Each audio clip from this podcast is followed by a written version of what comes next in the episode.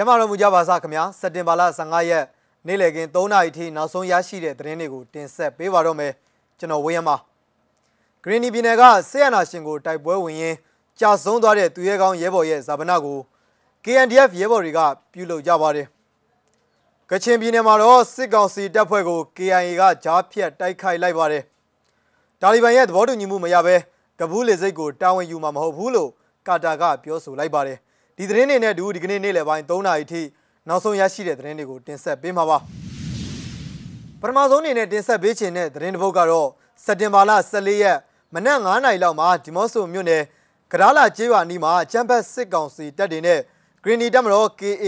KNDF ပူးပေါင်းတပ်ဖွဲ့တို့တိုက်ပွဲပြင်းထန်စွာဖြစ်ပွားခဲ့ပါတယ်အကြမ်းဖက်စစ်ကောင်စီရဲ့ဒီမော့ဆိုအခြေစိုက်တပ်ရင်းဖြစ်တဲ့တပ်ရင်း100နှစ်တပ်ရင်းကလက်နက်ကြီးတွေနဲ့အဆက်မပြတ်ပစ်ခတ်ခဲ့ပြီးတော့ နှစ်ဖက်အပြန်အလှန်တိုက်ပွဲ၄နာရီနီးပါးဖြစ်ပွားခဲ့တာပါအဲ့ဒီတိုက်ပွဲအတွင်းမှာဂျမ်ဘတ်စစ်ကောင်စီတပ်တွေကိုခုခံတိုက်ခိုက်ရင်းနဲ့ KNDF ကရဲဘော်2ဦးကြာဆုံးခဲ့ရပါတယ်တိုက်ပွဲတွင်ဂျမ်ဘတ်စစ်ကောင်စီတပ်တွေဘက်ကထိခိုက်ကြာဆုံးမှုရှိနိုင်ပေမဲ့အရေးအတွက်ကိုတော့အတိမပြုတ်နိုင်သေးပါဘူးသူရဲကောင်းရေးမင်းရဲ့မိခင်တောင်းဆိုသလိုမင်းအတွက်ငါတို့ကလေးစားချေပေးပါမယ်ဒီတိုက်ပွဲမပြီးမချင်းငါတို့ဆက်လက်ပြီးတိုက်ပွဲဝင်နေအောင်မယ်သူရဲကောင်းတို့ရေကောင်းမွန်စွာအနားယူပါတော့လို့ KNDF ကထုတ်ပြန်ပြောဆိုထားပါတယ်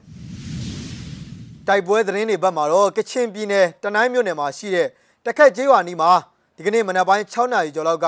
စစ်ကောင်စီတပ်ဖွဲ့ဝင်တွေကို KIA ကကြားဖြတ်တိုက်ခိုက်ခဲ့လို့တိုက်ပွဲပြင်းထန်ခဲ့ပါတယ်စစ်ကောင်စီတပ်ဖွဲ့ဝင်တွေကတနိုင်းမြို့နယ်တယုံကျေးရွာကနေတခက်ကျေးရွာကိုတက်လာတဲ့အချိန် KIA ကစတင်တိုက်ခိုက်ခဲ့တာဖြစ်တယ်လို့ဒေသခံတို့က74မီဒီယာကိုပြောဆိုချက်အရသိရပါတယ်တက်ခွဲတစ်ခုစားလောက်ရှိတယ်တယုံကနေတခက်ဘက်ကိုစကားစကင်းလှဲ့နယ်မြေရှင်းလင်းလာလားတော့မသိဘူး လာတဲ့စစ်သားတွေကို KIA ဘက်ကစပြီးတော့ပြစ်ခတ်တယ်တခက်နဲ့တော့မဝေးဘူးတခက်ရွာကနေမိုင်းတန်ကြားရတာ6ချက်လောက်တော့ရှိတယ်လို့အဲ့ဒီဒေသခံကဆိုပါတယ် KIA ဘက်ကထိခိုက်ကြဆုံးမှုမရှိကြောင်းသိရပြီးစစ်ကောင်စီတပ်ဖက်ကတော့ကြာရှုံးမှုအခြေအနေကိုမသိရှိရသေးပါဘူးတနိုင်းမြို့နယ်မှာစစ်ကောင်စီတပ်ကအင်အားတိုးချဲ့မှုတွေဆက်လက်လှုပ်ဆောင်နေပြီးစက်တင်ဘာလ10ရက်နေ့ကလည်းဒိုက်ဖာကျေးရွာမှာစစ်ကောင်စီတပ်နဲ့ KIA တို့ကြားမှာတိုက်ပွဲဖြစ်ပွားခဲ့ပါသေးတယ် နိုင်ငံတကာသတင်းတွေဘက်မှာတော့တာလီဘန်တွေရဲ့သဘောတူညီမှုမရဘဲကဘူးလေစိတ်ကိုတာဝန်ယူမှာမဟုတ်ဘူးလို့ကာတာကပြောဆိုတယ်ဆိုတဲ့သတင်းပုတ်ကိုလည်းဆက်လက်ပြီးတော့တင်ဆက်ပေးကြပါရခင်ဗျာတာလီဘန်အပါဝင်တက်ဆိုင်သူအားလုံးနဲ့ရှင်းလင်းပြတ်သားတဲ့သဘောတူညီချက်မပါဘဲကဘူးလေစိတ်ကိုတာဝန်ယူမှာမဟုတ်ကြောင်းကာတာကစက်တင်ဘာလ14ရက်အင်္ဂါနေ့ကပြောကြားလိုက်ပါတယ်ပြီးခဲ့တဲ့လကအမေရိကန်တပ်ဖွဲ့တွေစုခွာသွားပြီးတဲ့နောက်မှာဒိုဟာဟာအာဖဂန်နစ္စတန်နိုင်ငံအတွင်းကထောင်နဲ့ချီတဲ့နိုင်ငံသားတွေနဲ့ အာဖဂန်တွေကိုကယ်ထုတ်ရေးတာလီဘန်အုပ်ချုပ်သူအသစ်တွေနဲ့စစ်ဆက်ညှိနှိုင်းရေးနဲ့ကဘူးလေစိတ်အတွင်းထောက်ပံ့ကူညီရေးတွေကိုအဓိကလှုပ်ဆောင်နေခဲ့တဲ့နိုင်ငံဖြစ်ပါတယ်။အရာအလုံးကိုရှင်းရှင်းလင်းလင်းနဲ့တေချာဖြည့်ရှင်းဖို့လိုတယ်။မဟုတ်ရင်လေးစိတ်အတွက်ဘာတာဝန်မှယူနိုင်မှာမဟုတ်ဘူးလို့နိုင်ငံသားရေးဝန်ကြီးရှိတ်မိုဟာမက်ဘင်အက်ဒူရာမန်အဲတာနီကသတင်းစာရှင်းလင်းပွဲတစ်ခုမှာပြောကြားလိုက်ပါတယ်။ အခုထိအောင်ဆွေးနွေးနေတဲ့အခြေအနေပဲရှိသေးတယ်။ဘာလို့လဲဆိုတော့အဖွဲ့အားလုံးကဘသူကနီးပညာပိုင်းကိုလုပ်မယ်ဘသူကလုံခြုံရေးအပိုင်းကိုလုပ်မယ်ဆိုတာ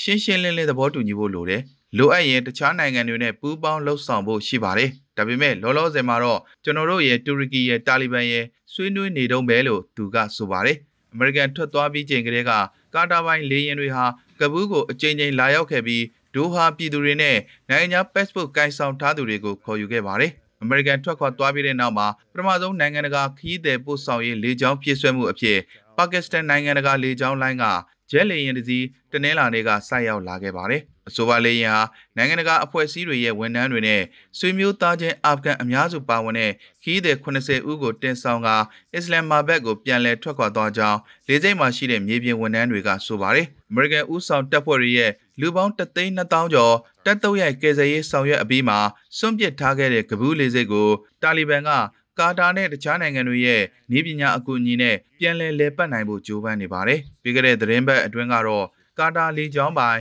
ကယ်ဆယ်ရေးလေယာဉ်တွေအကြိမ်ကြိမ်ဆင်းသက်ခဲ့ပြီးကယ်ဆယ်ရေးမှာကြံနေခဲ့တဲ့နိုင်ငံသားအများစုနဲ့အာဖဂန်တချို့ကိုခေါ်ယူခဲ့ကြပါတယ်။ အာဖဂန်လေကြောင်းလိုင်းတစ်ခုကတော့စက်တင်ဘာလ3ရက်နေ့ကစပြီးပြည်တွင်းခီးစဉ်တွေပြန်လည်ပြေးဆွဲနေခဲ့ပေမဲ့နိုင်ငံတကာလေကြောင်းတွေ ပုံမှန်ပြန်လည်ပြေးဆွဲနိုင်ဖို့ကတော့ဆာရွက်စာတမ်းခိုင်မာတဲ့အာဖဂန်တွေကိုနိုင်ငံကနေလွတ်လပ်စွာသွားလာခွင့်ပြုဖို့ကတိပေးထားတဲ့တာလီဘန်တွေအတွက်အဓိကစိန်ခေါ်မှုကြီးတစ်ခုဖြစ်နေခဲ့ပါတယ်။အမေရိကန်ကတော့၎င်းရဲ့အရှိကြဆုံးစစ်ပွဲကို2011ခုနှစ်စက်တင်ဘာလ17ရက်နှစ်ပတ်လည်နေ့မှာအဆုံးသတ်နိုင်ဖို့ဩဂုတ်လ30ရက်နောက်ဆုံးထားပြီးတပ်ဖွဲ့တွေကိုရုပ်သိမ်းခဲ့ပါတယ် There is a possibility for collaboration with other countries if needed, but until now we are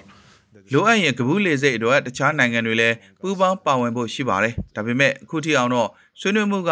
ကျွန်တော်တို့ရဲ့တူရကီရဲ့တာလီဘန်ရဲ့ပဲလုပ်နေပါတယ်လို့ကာတာနိုင်ငံသားရေးဝန်ကြီးရှိတ်မိုဟာမက်ဘင်အက်ဒူရာမန်အယ်တနီကဆိုပါတယ်။အကူအညီလိုအပ်နေတဲ့အာဖဂန်နစ္စတန်နိုင်ငံသားတွေအတွက်အထူးသဖြင့်လူသားချင်းစာနာထောက်ထားမှုဆိုင်ရာကိစ္စရပ်တွေမှာညီညွတ်တဲ့နိုင်ငံတကာရည်တည်ချက်တစ်ခုရှိသင့်ကြောင်းနဲ့၎င်းတို့ရဲ့လွတ်လပ်ခွင့် လှုပ်ရှားမှုတွေအပေါ်နိုင်ငံတကာအတိုင်းအဝိုင်းကစွစွစီးစီးနဲ့ထောက်ခံမှုပေးနိုင်အောင်ကြိုးစားတဲ့ကြောင်းအလေးနဲ့ပြောလိုပါတယ်လို့သူကဆိုပါတယ်။ကာတာနိုင်ငံရဲ့ ကယ်ဆယ်ရေးလှုပ်ဆောင်မှုကုန်ကျစရိတ်တွေကအမှန်တော့နိုင်ငံတကာကပူးပေါင်းကူညီထားတာပါ။ဒါနဲ့တစ်ဆက်တည်းပဲအာဖဂန်ပြည်သူတွေနဲ့ကျွန်တော်တို့ရဲ့မာမိတ်တွေကိုကူညီဖို့ကုန်ကျစရိတ်တချို့ကိုတော့ကာတာကပဲစိုက်ထုတ်လှုပ်ဆောင်ပေးခဲ့ပါတယ်။ငွေကြေးအနေနဲ့မပြောပလောက်တဲ့ပမာဏဆိုပေမဲ့ကုကေယာမဲ့နေတဲ့အသက်တွေကိုကယ်ဆယ်ဖို့အတွက်သုံးစွဲခဲ့တဲ့စရိတ်ဖြစ်ပါတယ်လို့သူကဆိုပါတယ်။ဒီကနေ့နောက်ဆုံးသတင်းတစ်ပုဒ်အနေနဲ့နိုင်ငံတော်ဝန်ကဆေးအာနာရှင်စန့်ကျင်ဆန္ဒပြပွဲတွေက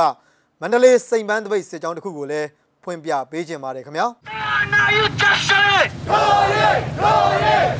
Now you just say it! Glory! Glory! Glory! Glory! Glory! Glory! Go! Go! Go! Go! Yeah!